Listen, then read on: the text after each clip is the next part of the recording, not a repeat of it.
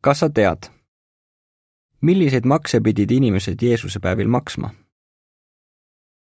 juudid olid harjunud juba ammustest aegadest Jumala teenimist materiaalselt toetama. ent esimeseks sajandiks oli nende maksukoorem kasvanud üsna suureks ja see tegi nende elu keeruliseks.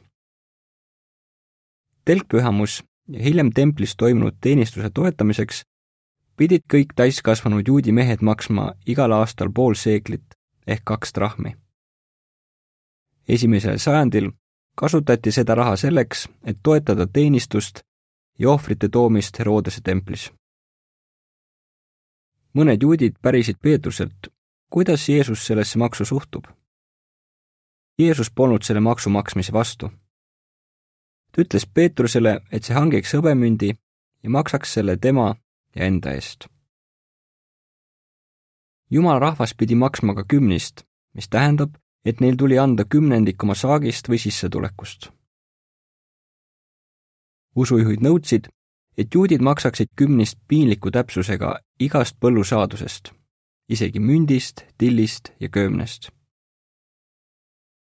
Jeesus ei kritiseerinud kümnise maksmist, vaid paljastas kirjatundjate ja variseride silmakirjaliku suhtumise. esimesel sajandil olid roomlased kehtestanud mitu riigimaksu. Näiteks maaomanikele oli kehtestatud maks mida nad pidid tasuma kas rahas või natuuras.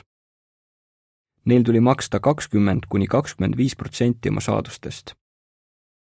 iga juut pidi maksma ka pearahamaksu. just selle maksu kohta esitasid variserid Jeesusele küsimuse. ta ütles neile, kuidas tuleks maksude maksmisse suhtuda.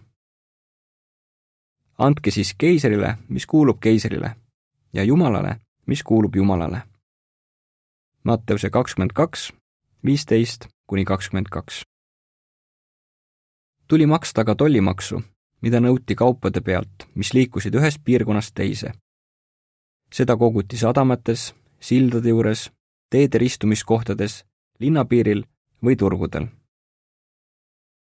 Rooma valitsuse all oli üldine maksukoormus äärmiselt suur.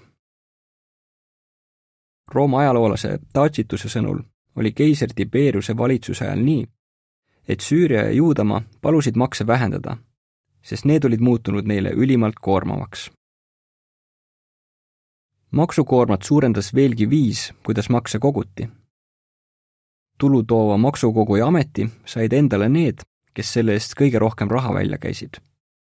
Nad võisid palgata endale makse koguma mehed, kes omakorda rahvast nöörisid näiteks üks selline maksukogujate ülem oli Sakkeus. inimestele muidugi see süsteem ei meeldinud ja nad vihkasid neid, kes neilt makse kogusid. artikli lõpp.